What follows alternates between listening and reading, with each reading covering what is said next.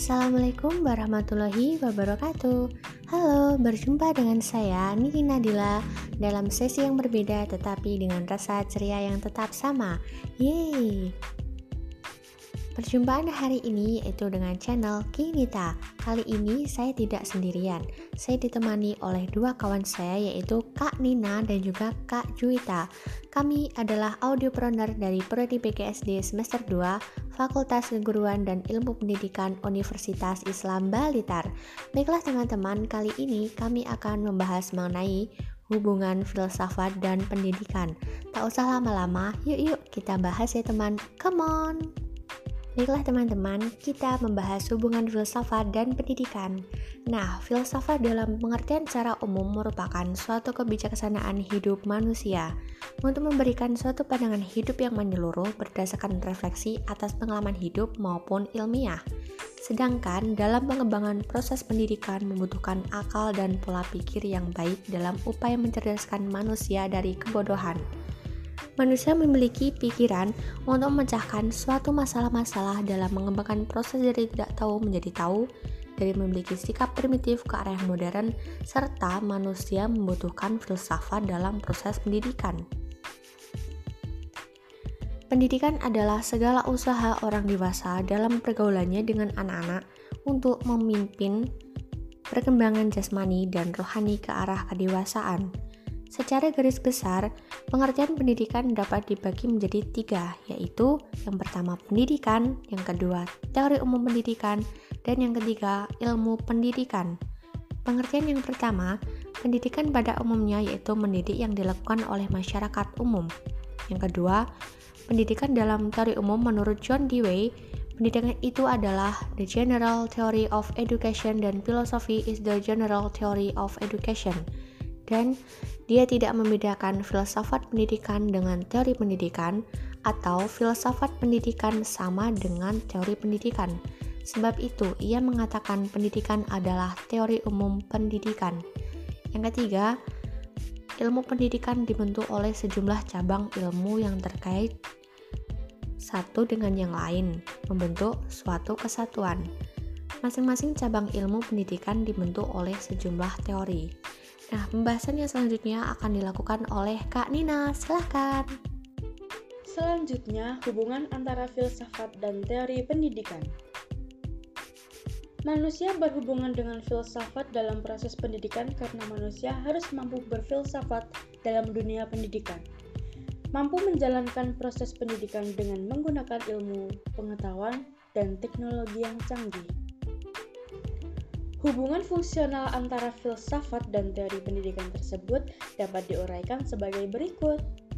Pengertian filsafat dalam arti analisa adalah salah satu cara pendekatan yang digunakan oleh para ahli pendidikan dalam memecahkan problematika pendidikan yang menyusun teori-teori pendidikannya. Di samping menggunakan metode-metode ilmiah lainnya, filsafat juga berfungsi memberikan arah agar teori pendidikan yang telah berkembang oleh para ahlinya yang berdasarkan dan menurut pandangan dan aliran filsafat tertentu mempunyai relevansi dengan kehidupan nyata. Artinya, mengarahkan agar teori-teori dengan pandangan filsafat pendidikan yang telah dikembangkan tersebut bisa diterapkan dalam praktik kependidikan sesuai dengan kenyataan dan kebutuhan hidup yang juga berkembang dalam masyarakat. Filsafat termasuk juga filsafat pendidikan, juga mempunyai fungsi untuk memberikan petunjuk dan arah dalam pengembangan teori-teori pendidikan menjadi ilmu pendidikan atau pedagogi. Di samping hubungan fungsional tersebut antara filsafat dan teori pendidikan juga terdapat hubungan yang bersifat suplementer, sebagaimana dikem dikemukakan oleh Ali Saifullah dalam bukunya Antara Filsafat dan Pendidikan. Assalamualaikum warahmatullahi wabarakatuh. Saya Juwita Irviana. Di sini saya akan menjelaskan tentang kedudukan filsafat dalam ilmu pendidikan. Oke. Dalam ilmu pengetahuan, filsafat mempunyai kedudukan sentral, asal atau pokok. Karena filsafatlah yang mula-mula merupakan satu-satunya usaha manusia di bidang kerohanian untuk mencapai kebenaran atau pengetahuan. Lambat laun, Sesuai dengan sifatnya, manusia tidak pernah merasa puas dengan meninjau suatu hal dari sudut yang umum, melainkan juga ingin memperhatikan hal-hal yang khusus.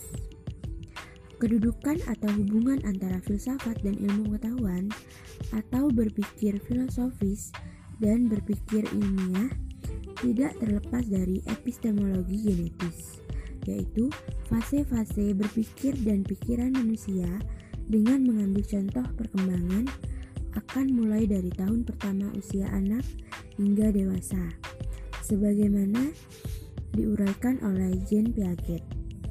Di sini ada beberapa aliran filsafat pendidikan yang dominan di dunia adalah sebagai berikut, yaitu ada esensialis, perennialis, progresivis, rekonstruksionis, eksistensialisi, dan filsafat pendidikan esensialis bertitik tolak dari kebenaran yang telah terbukti berabad-abad lamanya. Kebenaran seperti itulah yang esensial. Yang lain adalah kebenaran secara kebetulan saja. Kebenaran esensial itu adalah kebudayaan klasik yang muncul pada zaman Romawi yang menggunakan buku-buku klasik ditulis dengan bahasa Latin dikenal dengan nama Great Books. Tekanan pendidikannya adalah pada pembentukan intelektual dan logika. Dengan mempelajari kebudayaan Yunani Romawi yang menggunakan bahasa Latin yang sulit itu, diyakini otak serta didik akan terarah dengan baik dan logikanya akan berkembang. Disiplin sangat diperhatikan, pelajaran dibuat sangat berstruktur dengan materi pelajaran berupa warisan kebudayaan yang diorganisasi sedemikian rupa sehingga mempercepat kebiasaan berpikir efektif. Pengajaran terpusat pada guru. Selanjutnya, filsafat pendidikan perennialis.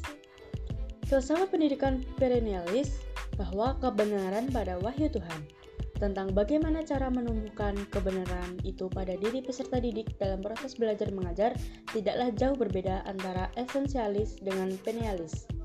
Proses pendidikan mereka sama-sama tradisional. Selanjutnya, filsafat pendidikan progresivis mempunyai jiwa perubahan, relativitas, kebebasan, dinamika, ilmiah, dan perbuatan nyata. Menurut filsafat ini tidak ada tujuan yang pasti, begitu pula tidak ada kebenaran yang pasti. Tujuan dan kebenaran itu bersifat relatif. Apa yang sekarang dipandang benar karena dituju dalam kehidupan. Tahun depan belum tentu masih tetap benar. Ukuran kebenaran adalah yang berguna bagi kehidupan manusia hari ini. Sebagai konsekuensi dari pandangan ini, maka yang dipentingkan dalam pendidikan adalah mengembangkan peserta didik untuk bisa berpikir, yaitu bagaimana berpikir yang baik. Hal ini bisa tercapai melalui metode belajar pemecahan masalah yang dilakukan oleh anak-anak itu sendiri. Karena itu pendidikan menjadi pusat pada anak. Untuk mempercepat proses perkembangan, mereka juga melakukan prinsip mendisiplin diri sendiri, sosialisasi, dan demokratisasi. Perbedaan-perbedaan individual juga sangat mereka perhatikan dalam pendidikan.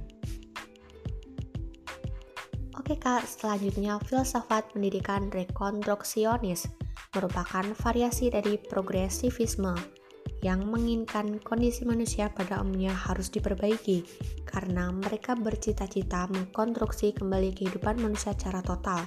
Semua bidang kehidupan harus diubah dan dibuat baru aliran yang ekstrim ini berupaya untuk merombak tata susunan kehidupan masyarakat yang lama dan membangun tata susunan hidup yang baru sekali.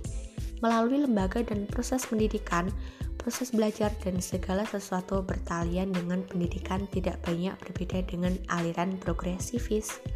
Oke, selanjutnya filsafat pendidikan eksistensialis berpendapat bahwa kenyataan atau kebenaran adalah eksistensi atau adanya individu manusia itu sendiri. Adanya manusia di dunia ini tidak punya tujuan dan kehidupan menjadi terserap karena adanya manusia. Manusia adalah bebas, akan menjadi apa orang itu ditentukan oleh keputusan komitmennya sendiri. Jadi, pendidikan Menurut filsafat ini bertujuan mengembangkan kesadaran individu, memberi kesempatan untuk bebas memilih etika, mendorong pengembangan pengetahuan diri sendiri, bertanggung jawab sendiri, dan mengembangkan komitmen diri sendiri. Materi pelajaran harus memberi kesempatan aktif sendiri, merencanakan dan melaksanakan sendiri, baik dalam bekerja sendiri maupun kelompok materi yang dipelajari ditekankan kepada kebutuhan langsung dalam kebutuhan manusia. Peserta didik perlu mendapatkan pengalaman sesuai dengan perbedaan-perbedaan individual mereka. Guru harus bersifat demokratis dengan teknik mengajar secara langsung. Selanjutnya, silahkan Kak Juwita. Jadi kesimpulannya, filsafat adalah kebenaran menyeluruh yang sering di, dipertentangkan dengan kebenaran ilmu yang sifatnya relatif. Karena kebenaran ilmu hanya ditinjau dari segi yang bisa diamati oleh manusia saja. Filsafat menjadi sumber dari segala kegiatan manusia atau mewarnai semua aktivitas warga negara dari suatu bangsa. Pendidikan adalah suatu manusia untuk menumbuhkan dan mengembangkan potensi-potensi pembawaan baik jasmani maupun rohani sesuai dengan nilai-nilai yang ada di dalam lingkungan masyarakat dan lingkungan. Ilmu pendidikan yaitu menyelidik, merenungi tentang gejala-gejala perbuatan mendidik. Hubungan antara filsafat dan pendidikan terkait dengan persoalan logika yaitu logika formal yang dibangun atas prinsip koherensi dan logika alektis dibangun atas prinsip menerima dan membolehkan kontradiksi.